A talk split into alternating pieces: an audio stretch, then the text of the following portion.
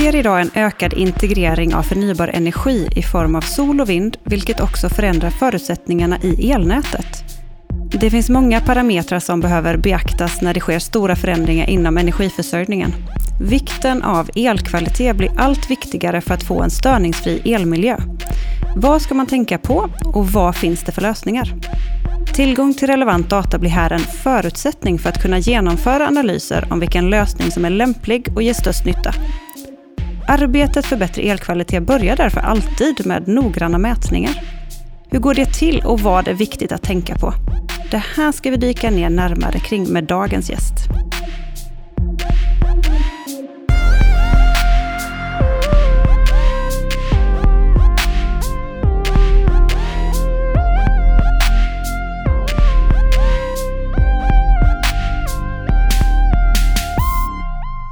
Robert Olofsson är en av medgrundarna till Göteborgsföretaget Metrum Sweden AB.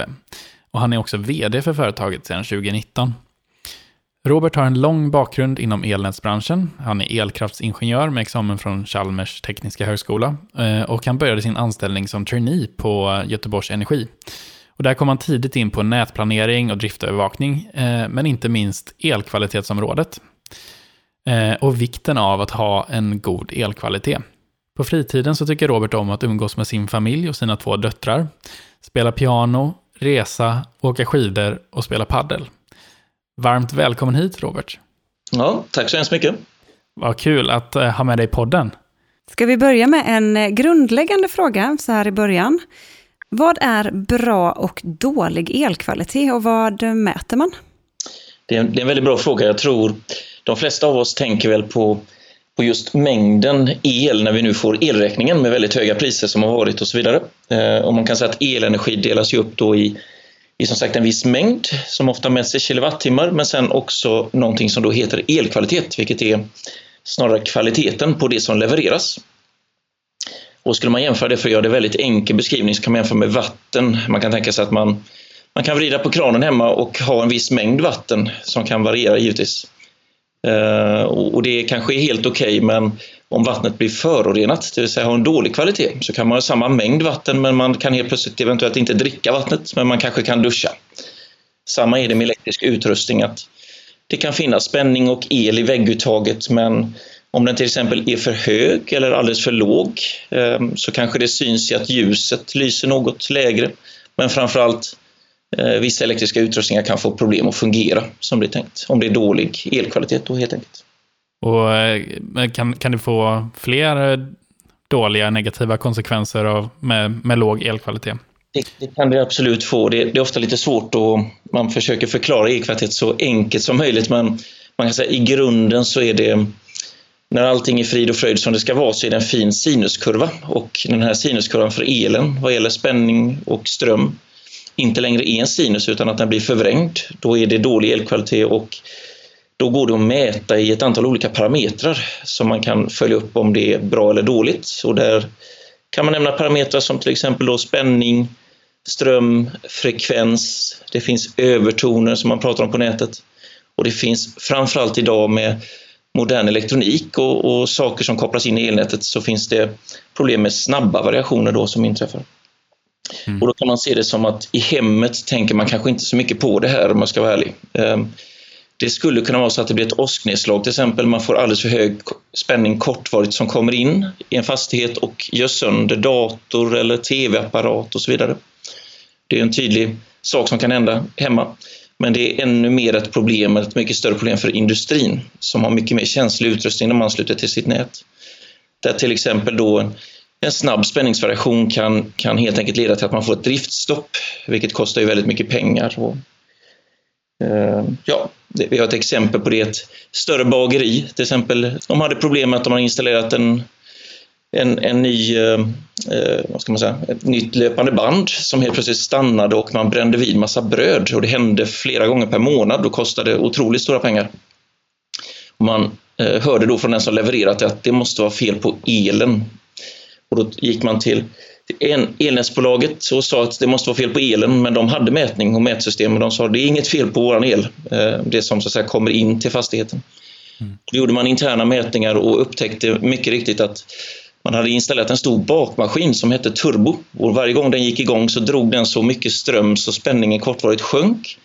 Och samma spänning matade styrelektroniken till, till de här löpande banden. Vilket gjorde att styrelektroniken kopplade ifrån det var dålig kvalitet och man brände bröden och man fick massa andra problem. Mm-hmm. Ja, det kan verkligen bli förödande då. Det kan bli väldigt förödande och kosta väldigt stora pengar och jag tror att det svåra är just att man inte kan se det om man inte mäter. Utan eh, som sagt, belysningen lyser hela tiden och man tror att allting är frid och fröjd men det kan finnas, finnas saker som pågår som är den här dåliga kvaliteten som ställer till det då. Att utrustningen inte fungerar som det är tänkt helt enkelt. Är modern utrustning mer känslig än vad det var tidigare? Eller har man alltid haft de här?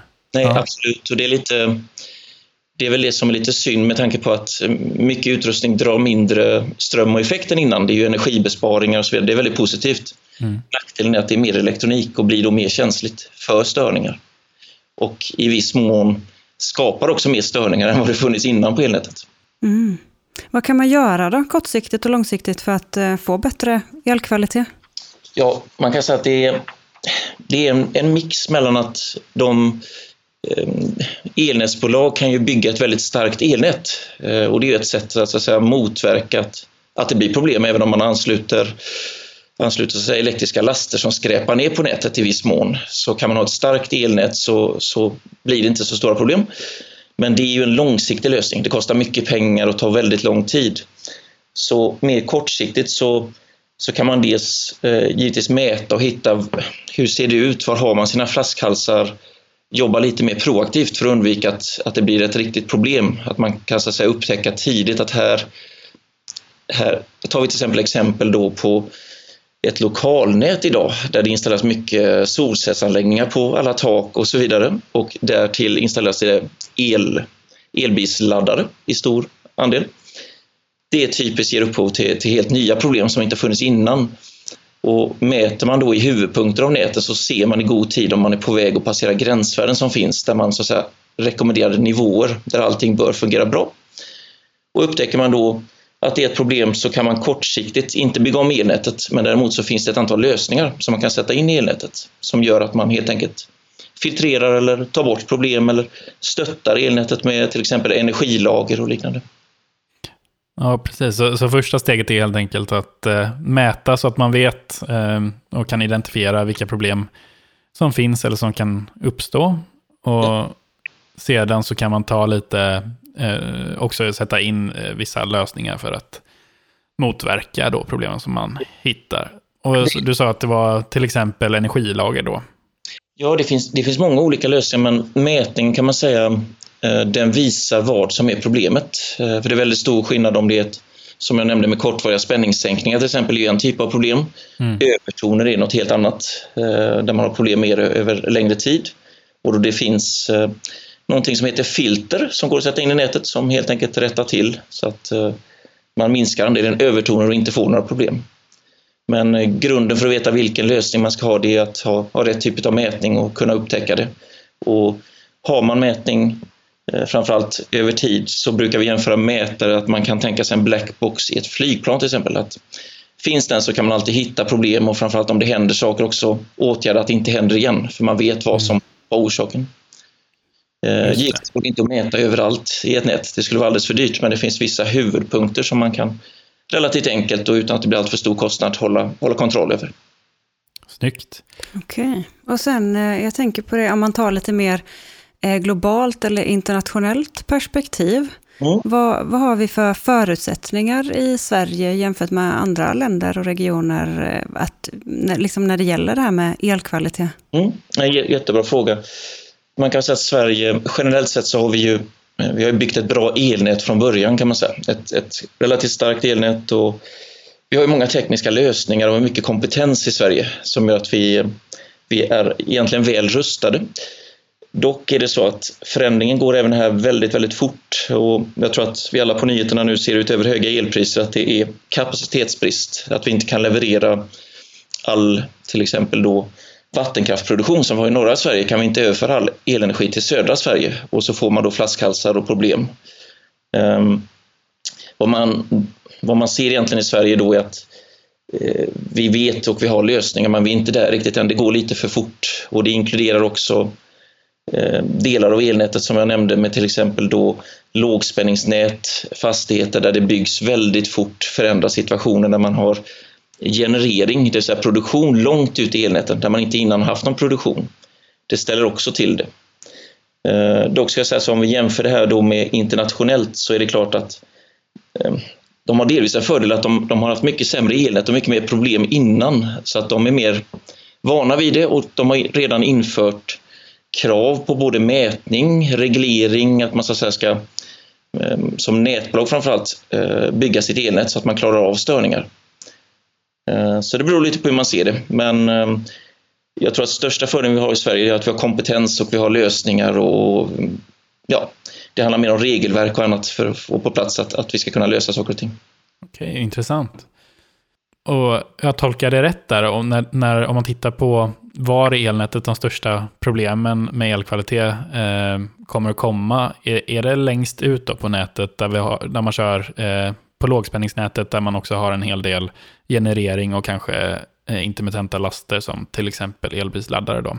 Ja, absolut, du har helt rätt. Vi, vi ser det som bolag i och med att vi jobbar både med, med nätbolag och industri i Sverige att um, där det går fortast att förändringen sker och där man ganska fort kan få problem, det är framförallt lokala delar av elnätet och lågspänningsnätet. Mm. Och det beror just på den här blandningen att att det går så fort att man har inte haft någon produktion innan i, och det är lite svagare elnät framförallt långt ut i elnäten. Det är ju inte byggt för för de stora variationer som nu uppstår och, och man har också laster som kopplar i och ur, typ elbilsladdning och liknande som ställer till det.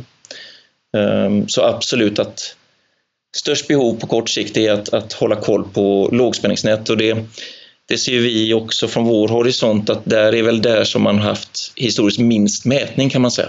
Um, mm.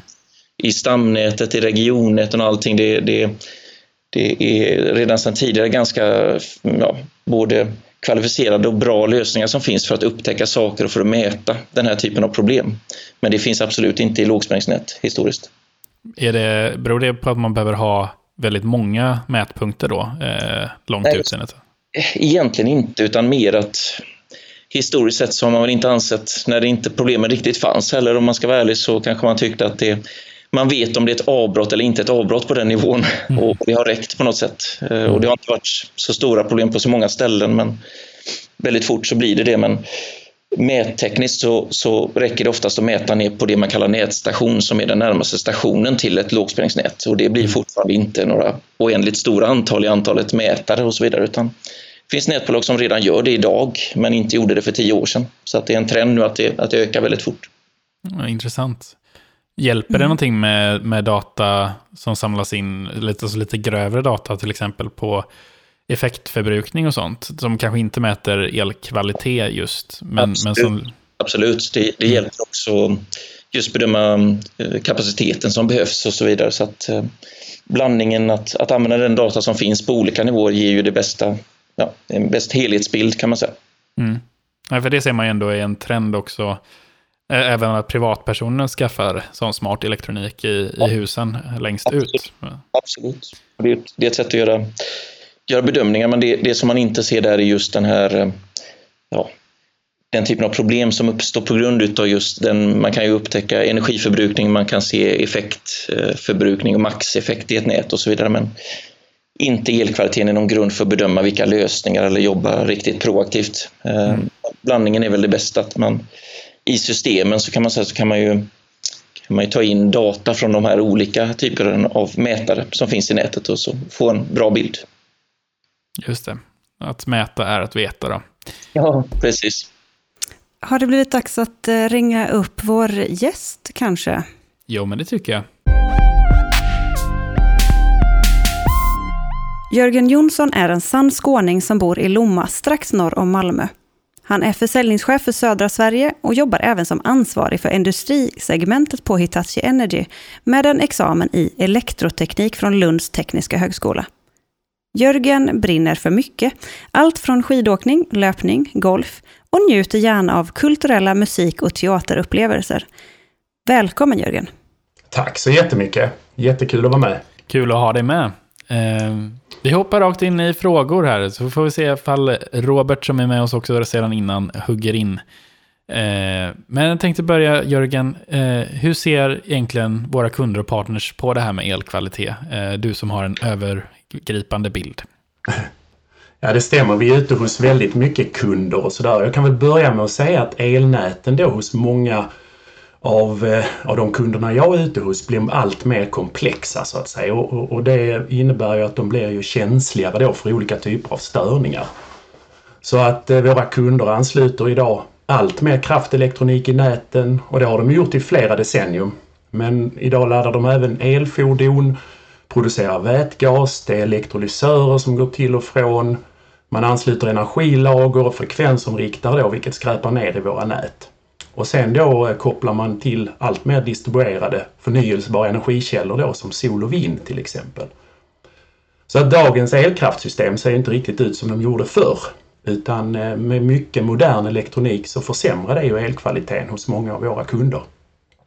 Och det kan ju bli väldigt kostsamt så att säga då för en anläggningsägare. Det kan ju ha allt ifrån att produktionen kan stanna till exempel, den kan trippa. Och jag är ute hos väldigt mycket just industrikunder och där kan det ju röra sig om hundratusentals kronor i timmen och stå still med en anläggning och i vissa fall mycket, mycket mer. Och sen kan man förlora kontrollen över anläggningen. Du kan ha ett styrsystem som kraschar till exempel vid ett avbrott exempelvis. Det kan vara kraftkomponenter då i anläggningen som blir överhettade. Och det blir de av exempelvis övertoner då där höga frekvenser ger, ger mer värme. Och sen det ger då i sin tur att man får eh, skador på produkter, kontakter, isolation. Och det förkortar i sin tur då livslängden på utrustningen då i hela anläggningen. Men, men trots allt det här så tror, tycker jag nog i alla fall att våra kunder börjar bli mer medvetna om vad god elkvalitet är för någonting. Och de jobbar idag mer förebyggande, bygger bort de här problemen de ser och eh, bara vad de gjorde för några år sedan. Men just det här med, det är intressant, jag läste någonstans att det finns siffror då på att bara i Europa så kostar dålig elkvalitet i industrin och handeln i det här fallet, det är ungefär 10 miljarder euro varje år. Men att bygga bort problemen kostar bara 5% av den summan. Och det är alltså en liten insats då i förhållandevis vad det kostar att, eh, att stå still till exempel en dag eller två i en anläggning. Det låter ju som ett solklas, solklart business case att investera i god elkvalitet när man hör dig berätta det här. Absolut är det så. Och det har ju våra kunder, de har ju fått upp ögonen för det här, absolut. Och vad är egentligen vår roll på Hitachi Energy där gällande elkvalitet och vad kan vi göra för att underlätta för exempelvis en industrikund då? Ja, det, är, det, är, det är väldigt många olika saker så att säga och, och, och det här Sverige har ju haft ett, traditionellt ett väldigt stabilt elkraftsystem och det gör ju att kompetensen är ju ganska låg där ute hos vissa av våra kunder. Man har inte behövt att bry sig under årens lopp. Men med all den här ny, nya tekniken som man adderar till va, så handlar det mycket om att utbilda kunder och kollegor i branschen, konsulter och göra dem medvetna då om de risker och konsekvenser och, som finns va? och vad man kan göra åt olika typer av elkvalitetsproblem. Så vi är väldigt många hos oss i vårt avlånga långa land som brinner för det här med elkvalitet. Men vad vi gör egentligen förutom då att utbilda och informera det är att vi tillverkar och utvecklar väldigt många av de här produkterna och lösningarna då också för att komma till rätta med de här problemen. Och det är ju bland annat då för elnätsbolag och industrier. Och det kan ju vara allt ifrån stora komplexa STATCOM och SVC-anläggningar då för reaktiv effektkompensering. Men det kan ju vara enklare system också i form av passiva och aktiva filter, kondensatorbankar. Det kan vara batterilager, eh, avledare, serie och shuntreaktorer. Så vi har ju en, en stor en palett så att säga med många olika tjänster och eh, produkter då för att lösa det här ute hos våra kunder. Och sen har vi då ett, eh, sen en tid tillbaks här också ett tajt och nära samarbete med Metrum. Och då med hjälp av Metrums analysinstrument och kompetens va, så kan våra ingenjörer hjälpa till då att analysera resultaten. Vi kan optimera och genomföra åtgärder då i olika former av projekt då på sajt. Så vi har eh, en, en väldigt vid palett med, med både produkter och tjänster här och adderar till det här med, med Metrum då sedan en tid tillbaks va, med samarbetet som väldigt, väldigt intressant framåt. Har du något eh, konkret exempel där vi har eh, tillsammans gått in och hjälpt någon eh, kund? Jo, ett, ett exempel som jag kan ta, det är väl ett lysande exempel då bildligt talat här. Det vi blev kontaktade av två kunder som hade ett antal solcellsanläggningar uppe på Varaslätten. Och de kunde ju inte mata ut eh, full effekt på nätet under ett antal sommarmånader. Så när solen strålade så kunde de inte, blev de väldigt frustrerade och de ville ju sälja och återmata så mycket energi som de kunde så att säga under, de här, under den här tiden. Men eh, spänningen varierade då väldigt mycket va? och, och den, eh, när den ökade så blev det problem i anläggningen och skydden löste ut i växelriktarna. När spänningen stack iväg då från 230 upp till 250 volt. Så kunden var extremt frustrerad. Och då diskuterade vi det här med Metrum och installerade då en av våra produkter då en, en LVR som, står för Line Voltage Regulator. Och det är en nätspänningsregulator helt enkelt. Och den eh, anslöts för att se till att de här spänningsvariationerna då minskade och kunde hållas inom vissa gränsvärden. Man kan tänka sig en sån här eh, ungefär som en mobilladdare då som håller konstant spänning då oberoende av last till när man laddar sin telefon till exempel. Och eh, var, var den än kopplas in i världen någonstans vid olika spänningar. Men eh, med hjälp av den här LVR så håller man spänningen konstant va? Och, och, och inom ett visst intervall. Va? Och, och, kunden har nu dubblerat effekten ut på nätet. Och frustrationen har minskat och, och kunden är väldigt nöjd. Och nu kan han sälja mer eller de kan sälja mer energi ut på, på, till nätbolaget också, i det här fallet Vara Energi. Så att det här är en plug and play lösning som vi har med, med LVR då. En fantastisk produkt helt enkelt då för att minska spänningsvariationerna i ett elnät. Och inte bara i ett eh, traditionellt elnät utan det här kan man även ansluta till en, i en industri till exempel som har väldigt stora spänningsvariationer i nätet. Så att det är väl ungefär så här som våra projekt går till kan man säga då tillsammans med, med Metrum här. Att Metrum mäter och analyserar och sen analyserar vi vidare i vissa fall och diskuterar fram en lämplig lösning. Va? Och sen då så avhjälper vi problemet då ute hos kund i någon form av projekt. Det låter som en väldigt bra matchning då mellan, mellan oss och Metrum och Robert, får man säga. Ja. Absolut, jag kan ju säga någonting när vi ändå har det på tråden att vi är väldigt glada för samarbetet. För det, det vi upplevt innan är att våra kunder som vi har fått ta del av mätresultat ifrån, eh, som du nämnde nu Jörgen, till exempel i Vara, mm. de kanske har hittat problem men eh, nästa steg är ju hur löser vi problemet? För annars har man liksom inte kommit hela vägen in i mål. Jag tror att som du nämnde Jörgen också att kompetensen är inte alltid så hög givetvis. På, man kan inte förvänta sig det hos varje slutkund som kopplar in sin utrustning i ett nät. Utan vi tillsammans kan, kan både hitta problemen och rekommendera inte bara tekniskt bästa lösningar utan också optimala lösningar ur kostnadsaspekter och annat. Så att, eh, jättespännande samarbete och, och jätteglada för det. Ja, absolut. Ja, men mycket intressant. Och jag tror mycket på det här också med utbildning av både kunder och kollegor här för att kompetensen är ganska låg när det gäller de här bitarna. Och, eh, och kostnaden kan bli väldigt höga för kunderna. Så det gäller att göra dem, göra dem medvetna om det helt enkelt. Det lät fantastiskt att kunna få dub, äh, fördubblat output ifrån sin an, äh, anläggning genom att mm. faktiskt bry sig om elkvalitet. Tack så hemskt mycket Jörgen för att vi fick ringa upp dig. Eh, nu tänker vi ha Robert för oss själva igen. Tack Jörgen. Tack så mycket. Tack för att jag fick vara med. Ja, men du eh, Robert, vad, har du någon reflektion över det vi fick eh, höra från Jörgen här nu precis? Ja, eh, lite som jag var inne på där eh, att någonstans så är det ju eh, det är alltid värdefullt att veta vad som händer på ett elnät och det behövs ju så att säga, mätsystem och så vidare men ehm, det hjälper inte så mycket om det inte finns någonting, någon lösning på problemet. Eh, och det är vi verkligen glada för så att säga, från vår sida på Metrum att samarbetet med Hitachi Energy möjliggör att våra slutkunder kan också få en lösning. Eh, då, då får man så att säga full nytta av, av våra mätsystem och, och mätdata och allt som, som finns. Sen tror jag så här att eh, vi ska inte heller underskatta att kompetensen som Jörgen var inne på. Eh, jag delar verkligen det att vi, vi kan hjälpas åt och utbilda våra kunder och helt enkelt få effektivare både drift och mindre kostnader. Det handlar det om i i det stora hela. Ehm, vilket ju alla har del av i, i förlängningen.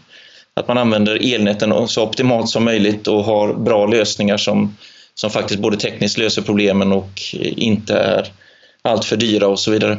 Ehm, så att eh, det var väl reflektionen.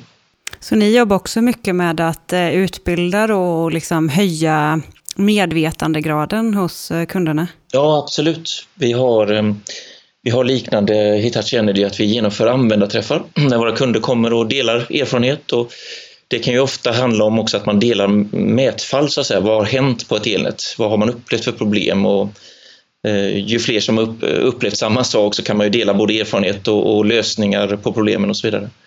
Eh, och sen har vi utbildningar ihop med bland annat Högskolan i Borås som då mer renodlat tittar på vad, vad är elkvalitet för något och man har både teori och kan simulera och skapa olika störningar i ellabb och liknande så att man får en känsla för vad, vad det här faktiskt är. Även för studenter som ska ut sen och, i arbetslivet och, och kunna hjälpa till. Då. Just det.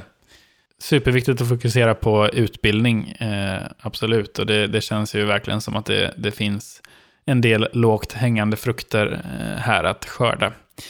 Ehm, eh, och Robert, vi brukar alltid ställa en avslutande fråga också i, i de här eh, avsnitten. Ja. Eh, är du redo för den? Jag hoppas det. ja, det är bra. Ja.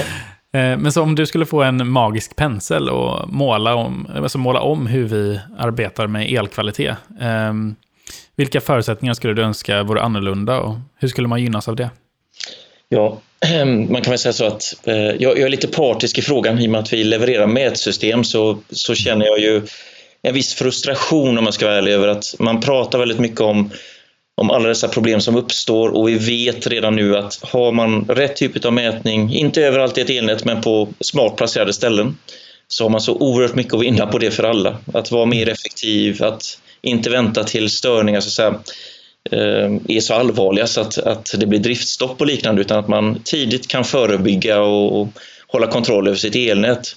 Så jag skulle önska att det fanns lite mer, så att säga, Vissa gör stora satsningar och har förstått detta men det går lite för trögt kan jag tycka i relation till de problem som vi vet finns och de lösningar som finns och så vidare.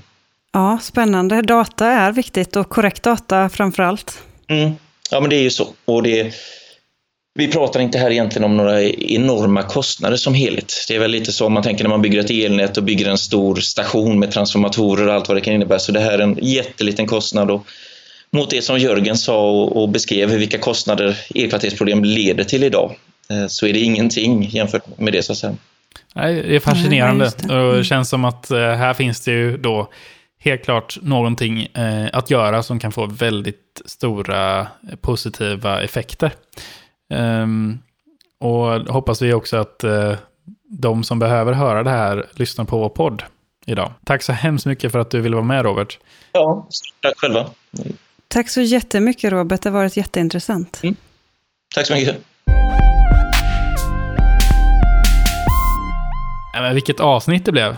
Ja, så bra verkligen. Så intressant att höra eh, liksom men kring allt. Men det jag verkligen tar med mig, det var ju att jag hade ingen aning om att det var så tydligt business case. Nej, verkligen samma. Det, det är fantastiskt att, att höra att det finns eh, så mycket att göra eh, enkelt för att få stora effekter på, på elnätet. Och också intressant såklart nu när vi, vi är i en fas där vi ser mycket förändringar, framförallt längst ut på elnätet, att att eh, det finns olika lösningar för att faktiskt eh, motverka problemen som kommer.